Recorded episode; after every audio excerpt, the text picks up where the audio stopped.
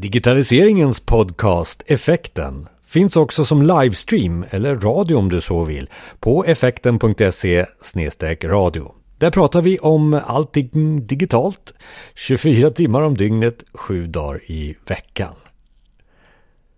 Men här och nu, avsnitt 150 som eh, är inspelat i eh, januari 2021. Och det här med att effektivisera, det är ju en del utav digitaliseringen. Effektivisera system, redovisning och administration. Det här som man känner måste bli lite lättare för att kunna göra rätt. Det är att stödja det som är kärnverksamheten med enklare, eh, till exempel rutiner runt ekonomi och redovisning. Du får alldeles strax Patrik Stenberg på Ludvig Company expert på just digitalisering och automatisering. Men innan dess, ska du vara med i podden eller har du någon som ska vara med i podden, rekommendera det till oss på e-mailadressen info effekten.se info effekten.se Men nu då, hur blir vi då mer effektiva? Lyssna här.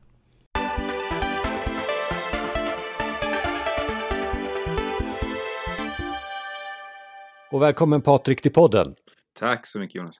Ett stort ämne det här med att effektivisera administration, effektivisera eh, våra system och redovisning och kanske också eh, koppling till redovisning, bokföring. Så att nu får du det stora första frågan. Vad, vad, är det här med effektivisera för dig? Ja, det, det, kan spåra ur så vi ska försöka hålla oss eh, till ämnet ordentligt. Eh, för mig handlar det väl om att hitta Eh, rätt system för rätt verksamhet eh, och att anpassa på en lagom nivå. Då. Men det finns ofta väldigt mycket man kan göra för att få eh, administrationen att flyta bättre. Så det, det är väl mitt, mitt medskick. Och, och, jag tror också att man kanske, när man säger, åh, oh, här var det ett bra ämne, här, här känner jag kaosen och det har jag känt i tio år, har det inte blivit bättre? Det är väl också någonting som jag vill ha medskick, alltså har det inte blivit bättre? Ja, eh. ja men det, det, har det säkert. Men jag, jag, tror också att många fastnar i det dagliga arbetet och har liksom inte, känner inte att de har tiden att lyfta blicken och titta på vilka möjligheter som faktiskt finns. Man, man är så uppe i sitt dagliga, i kärnverksamheten att man hinner inte alltid liksom lyfta blicken och se vilka möjligheter finns det att, att effektivisera bort vissa, vissa, vissa tröga delar. Och vad vi pratar om egentligen är ju då företagets stöd, eh, stödprocesser när det gäller till exempel ekonomiprocessen och eh, den administrativa processen i, i stort sett. Det här, alltså när, när man pratar om redovisning, alltså kan du exemplifiera vad, vad du menar på, på konkret nivå? Mm. vad vi kan eh, effektivisera. Ja, precis. Jag, jag, jag, brukar när jag får den frågan dra ett exempel med en, en hantverkare. Det är, det är kunder som vi jobbar ganska mycket med och som ofta har eh, stora potentiella möjligheter till förbättring. Eh, men vi kan ta ett typiskt kundcase utan att försöka dra en hel bransch över en kam så, så brukar det finnas stora möjligheter till förbättring. Och, och det är få som startar företag med drömmen om att jobba med, med administration och papper utan man vill ju ofta jobba, ta en hantverkare, de kanske vill, vill snickra, det är det som är drömmen. Annars så startar man kanske en redovisningsbyrå. Eh, och det, det är okej okay, såklart.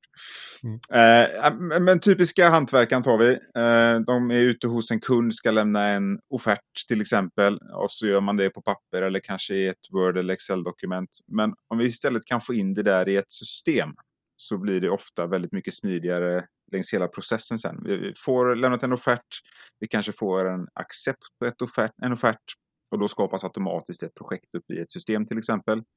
På det här projektet sen så kan man redovisa tid, vilka hantverkare som är på plats, vilket material man har använt till exempel. Allt det där samlas och ackumuleras på projektet så man har koll på det. Kunden kan ha koll på det. När man sen är färdig med sitt jobb så kan vi ta det här projektet, allt material, all tid, peta över det till bokföringen och skapa en faktura ut till kund för att liksom få, få allting rätt och smidigt. Fördelarna med det där är ju givetvis då att det är enklare att hålla koll på. Du har inte en massa lappar, sms och mail utan du har allting inne i systemet. Kunden vet att de får rätt saker på rätt faktura. Så eh, bättre koll och bättre kvalitet helt enkelt. Men jag är hantverkaren där då Ja. eh, och och också startar mitt bolag och så googlar jag bara nu vill jag ha ett system för det här och så köper jag första bästa. Härligt. Skulle Eh, inte det lösa det här nu då? För jag har ju googlat det menar jag. Mm, det kan det absolut göra. Eh, och det finns ju en hel uppsjö av sådana här system såklart. Jag skulle vilja att man tittar lite grann på vilka behov man faktiskt har och vilka problem man faktiskt vill lösa. Ofta räcker det om man kommer ganska långt med lite enklare system. Man, det är lätt att köpa på sig för mycket system och för mycket komplexitet och det räddar ju liksom väldigt få situationer. Så att börja med att göra en liten analys på men vad är det jag faktiskt behöver? Vilka, vart är det det går riktigt trögt? Eh, det kan ju vara en sån sak som tidrapportering. Ja, men mina, mina hantverkare ute på fältet de rapporterar tid via sms eller mail. Och det där tar otroligt mycket tid för mig att sammanställa och sen ska försöka göra en lön av det där. Då kanske det är ett tidrapporteringssystem man ska ha istället för projekten i sig kanske är så pass enkla att hålla koll på i ett Excel-ark till exempel. Så börja med att spesa ner lite grann. Men vad, vad är, vart gör det riktigt ont och vart är det riktigt, riktigt tråkigt? Så försöka vinna, vinna tiden där istället. Men, men då ska man väl inte överinvestera sig i system det första man gör kanske, för vi kommer eh, bara vara tre stycken och då kanske vi inte behöver något system för det. Men, men, men eh, menar du på att man ska vara klok i, i sitt övervägande ändå där initialt? Ja, absolut. Alltså, är vi inte för många så, så finns det troligtvis enklare system att använda där vi inte behöver ha lika mycket koll. Alltså det, komplexiteten växer ju ofta med storleken på bolaget, så, så är det ju oavsett bransch. Eh, så att man, man bör göra en liten koll på först, men vart är det det gör riktigt ont? Och är du nystartad så handlar det ju mer om att eh, jag brukar ställa den här frågan också, om vi säger så här då. Eh, vart är du med ditt bolag om fem år? Det där brukar kunna ge, ge en del intressanta svar och det kanske är en udda, och frå, udda fråga att få från någon som jobbar med, med system och digitalisering. Men det är också viktigt att rigga bolaget och systemen rätt från början. För det är inte kul att stå där fem år senare med 15 snickare helt plötsligt. Och visst, när du har tre, ja men då är det enkelt att hålla koll och då kanske du inte behöver så mycket system. Men om målet hela tiden är att växa verksamheten och jag vill vara de här 15 gubbarna och damerna som är ute och jobbar. Ja, då kanske vi ska rigga med rätt system från början så att vi har en bra grund att stå på. Och, då har jag två frågor utifrån det du har sagt egentligen. Mm. Dels så handlar det om frågan, var brukar det göra ont? Mm. Så, eh, och sen den andra frågan, om du kommer ihåg det, jag kan repetera den där. Ja. Vad är de oftast om fem år? Ja, ja precis. Ja. Eh, va- va- vart det brukar göra ont, då får jag nästan dra till med kvittohantering. Det där är en sån där Eh, och det, det är oavsett bransch. Det är ute och representation eller man har varit och köpt någon pryl som ska vara till något bygge eller det ska vara till någon kund. Och det läggs ett kvitto i någonstans i en bil eller i en plånbok och så kommer det aldrig fram. Och det blir extremt svårt när det där ska bokföras sen. Men vad var det vi köpte och vilket, till vilket projekt eller vilken kund hörde det där kvittot? Eller vilka var det som var med på den här representationen? Och så kommer Skatteverket och så vill de ha namn och bolag på vilka som var med på den här representationslunchen. Och då börjar det bli liksom jobbigt. Nu är det ont. Ja, det gör det ont. Nu är det smärtsamt. Och fråga två var vart vi är någonstans om fem år.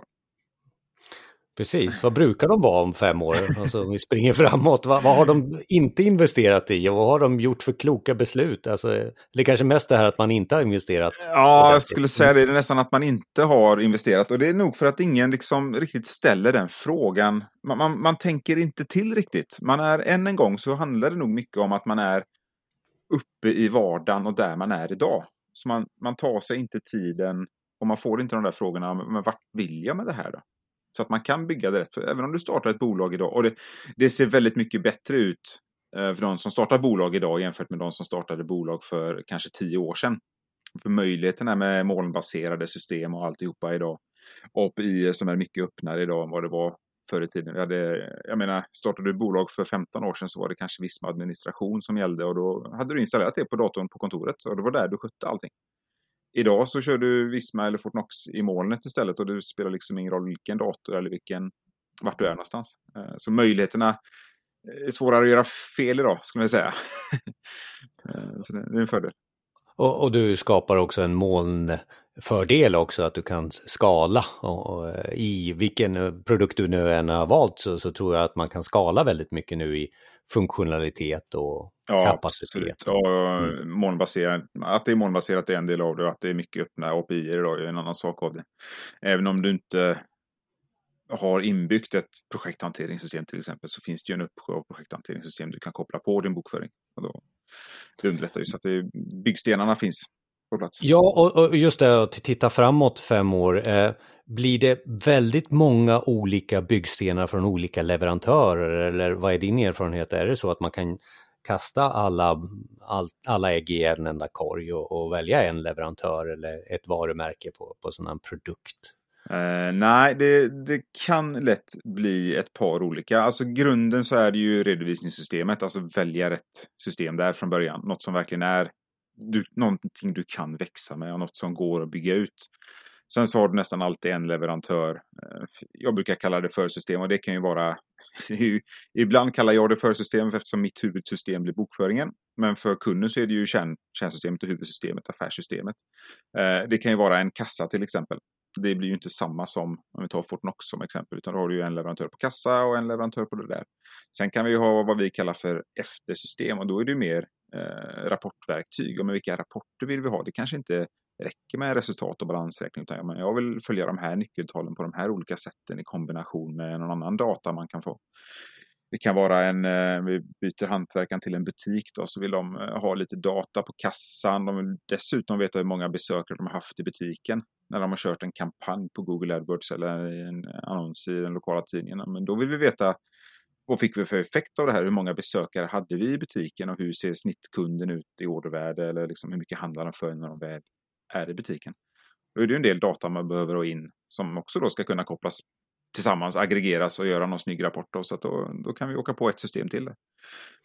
Det är lite sådär att man, man har ett kärnsystem, kallar det affärssystemet, mm. eh, och, och sen har man någonting man klär det med innan, alltså Eh, där man jobbar med CRM kanske för att hålla koll på sina kunder. Ja, eh, man håller på med offerterna och sen så säger du också det här efterbearbetningen med mm. de här siffrorna. Vad är det de säger egentligen? Analys runt omkring det. Så det är liksom tre steg e-, egentligen om man ska förenkla processen väldigt generellt och kanske i alla branscher. Att det är före, affärssystemet och efter affärssystemet så är det affärssystemet i mitten. Ja, men det är bra sammanfattat. Och det är ju dit vi ofta vill om man säger så. Om vi nu ska dra ytterligare alla över en kam som vi tar min bransch då, redovisningsbranschen egentligen. Alltså den löpande bokföringen, det är ju inte där värdet i våra tjänster ska ligga, utan det handlar ju om, om vad, precis som du säger, vad, vad är det de här siffrorna säger? Vad kan jag ta för beslut i mitt bolag baserat på de siffrorna som vi får ut ur redovisningen? Det är ju det som är intressant. Det är ju inte för, för Skatteverkets skull bara, eller Bolagsverkets skull vi ska göra våra bokslut och göra våra momsrapporter, utan det är ju för företagaren. Vad, vad säger siffrorna?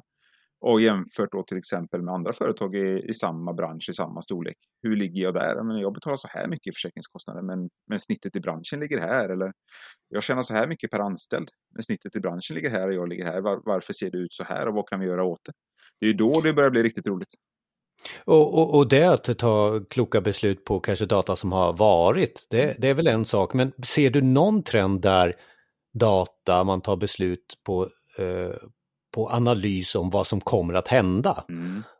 Det finns Datadrivna beslut är jag väl ute efter. Ja, precis. Ja, men det finns system för det där också. Det är också superintressant, men då är det ju mycket omvärldsbevakning också. Det kommer in en del Alltså, där får man ju titta mer på större trender kanske. Vad, vad det kommer för trender och sådär. Och det är jätteolika på olika bransch såklart. Så att, eh, den, är tuffare men den är superintressant att börja prata om också. Det handlar ju än en gång om att rigga bolaget rätt när det kommer till administration så att man, man är redo för det man tror kommer. Det finns mycket att toucha och vi kommer säkert tillbaka, men jag vill backa lite till just det här eh, generella som många känner som är ont, det här med kvittohantering. Och du och jag hade ett litet eh, möte just och pratade om det här med kvittohantering. Va, vad är det som är så svårt? Det är väl bara att ta fram appen och, och liksom, så kör vi där allting. Ja från och med nu. Ta bort papper. Ta bort papper. Det hade varit det bästa. Vi önskar att det var så enkelt. Eh, min vision, och det finns säkerligen, eh, eller det finns några kassasystem som fixar det här. Men min vision är att alla system ska prata med varandra. Om jag, jag går in på en, du och jag går in på en restaurang och jag ska bjuda dig på en representationslunch. Då ska servitören där kunna bara knappa in, men det här är två personer, betalas med det här kortet. Då vet vi det, då skickar vi upp det där från kassan direkt upp till mitt bokföringssystem och det står hur många som är på plats. Och jag kan sen fylla i vilka namn och bolag och den informationen som behöver kläs på. Men den representationen ska ju redan vara bokförd när jag kommer tillbaka till kontoret. Eh, det, det, där är visionen. Sen finns det ju kvittoappar. Jag tror Kivra har en version för det och det finns vissa kassasystem som du kan få digitala kvitton. Och då är vi ju kommit en bra bit på väg. Slipper vi den här papperslappen som då ska fotas. För det är ju så vi ofta gör idag. Vi får en papperslapp, vi tar en bild på den där med en gång med mobilen och så skickar vi in det där i bokföringssystemet. Där är vi ju idag och det är ju inga konstigheter. Och mycket kan ju göras med AI och tolka kvittot. Så den ser ju ändå vad det står för något och lite momsatser och annat. Så att vi är en bit på väg, men i min dröm ska ju inte kvittot eller pappret behövas, utan det ska ju skickas direkt. Och nu är det här ingen podd om juridik, men juridiken sätter lite stopp här också som jag uppfattar det. ja, ja det, det, kan ställa till det lite och saker och ting ska ju sparas enligt bokföringslag eh, olika länge. Men det ska sparas i den, det formatet du får det. Så får du ett, ett underlag digitalt så ska det sparas digitalt. Så att det är ju egentligen inga bekymmer, men det gäller att ha koll på sin lagring i det läget. Då, att man, man vet att det där sparas i rätt tid på rätt ställe. Och man vet att det gör det i, i sju år. Då. Och det här exemplet med kvitto, det är väl egentligen generellt det vi, vi vill prata om i det här avsnittet också, Patrik. Det är ju liksom den här smidigheten. Hur får vi in smidigheten? För det är lite det av rubriken på, på, på, på podden också, men är effektivare.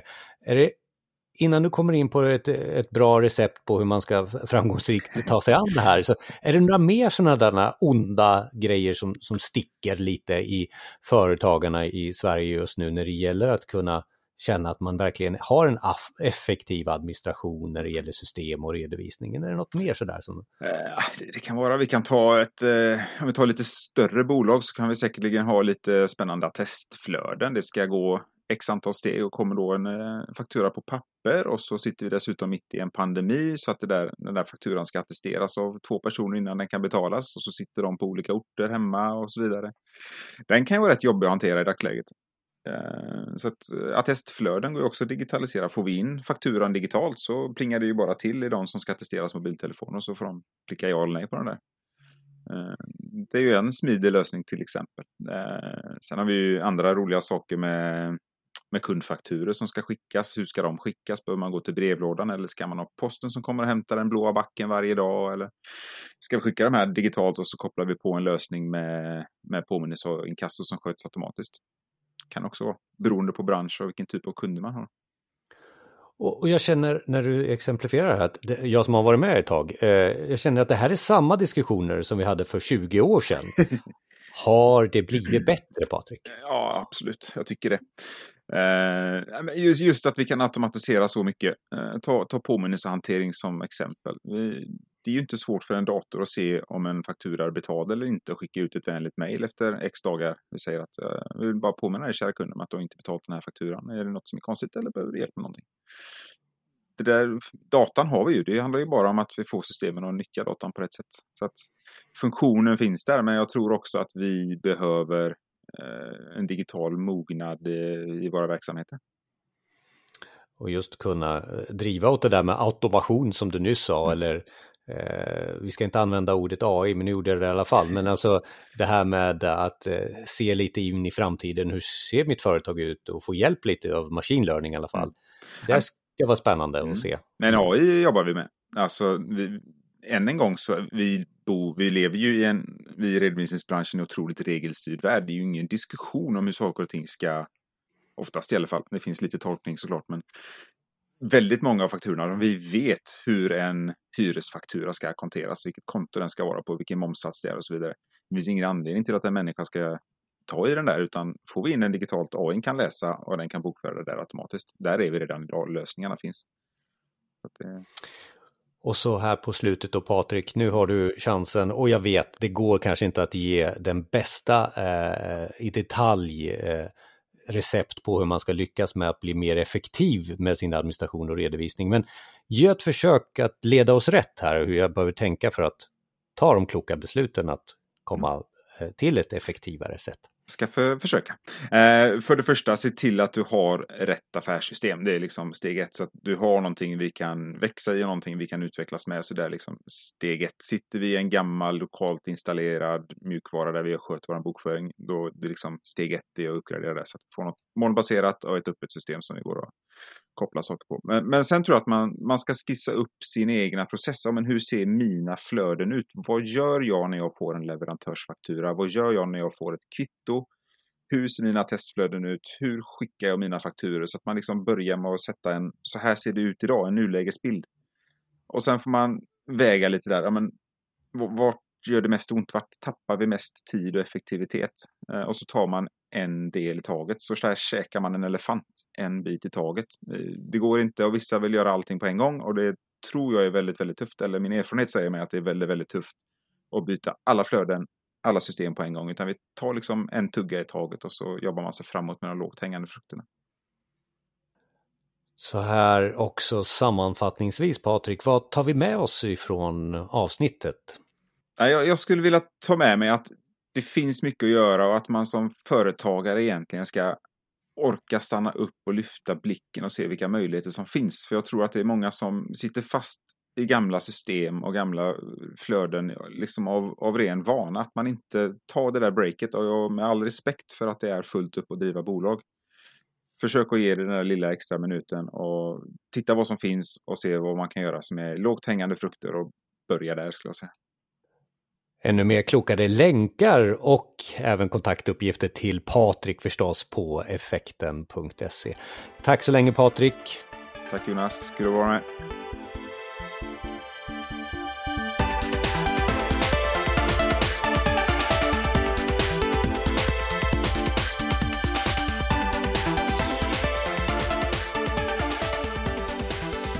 Tack för att du lyssnar på Effekten, digitaliseringens podcast, där du gärna får starta en prenumeration.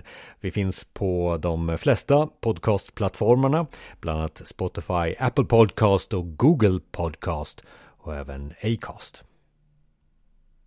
Effekten.se är våran eh, adress som eh, du landar på om du vill ha mer av oss. Bland annat då Effekten Radio där vi sänder dygnet runt eh, just våra prat om hur vi digitaliserar. Där finns också våran blogg och förstås alla avsnitt mm, väl dokumenterade och listade. Effekten.se Allting som vi har pratat med Patrik om finns också där i avsnitt 150. Och du ska också vara med i podden eller någon som du känner eller någon som du rekommenderar. Info effekten.se är alltså då e-postadressen info effekten.se. Och det där med att rekommendera podden, ta gärna en screenshot där du är i din podcastspelare och dela det här på sociala. Eh, det ger alltid någon ett värde, för det är det vi står för här i effekten. Vi ger ett värde till den som vill eh, digitalisera på ett enklare sätt. Få lite mer kunskap om de olika ämnena. Och så finns det också möjligheten för dig att sätta en femma på oss i eh, Apple Podcast möjlighet att eh, recensera podcast så gör gärna det. Vi är oerhört tacksamma. Så tack! Jag är Jonas Jani och tillsammans med Micke Nobäck så gör vi den här podcasten för att skapa värde till dig. Vi hörs nästa gång.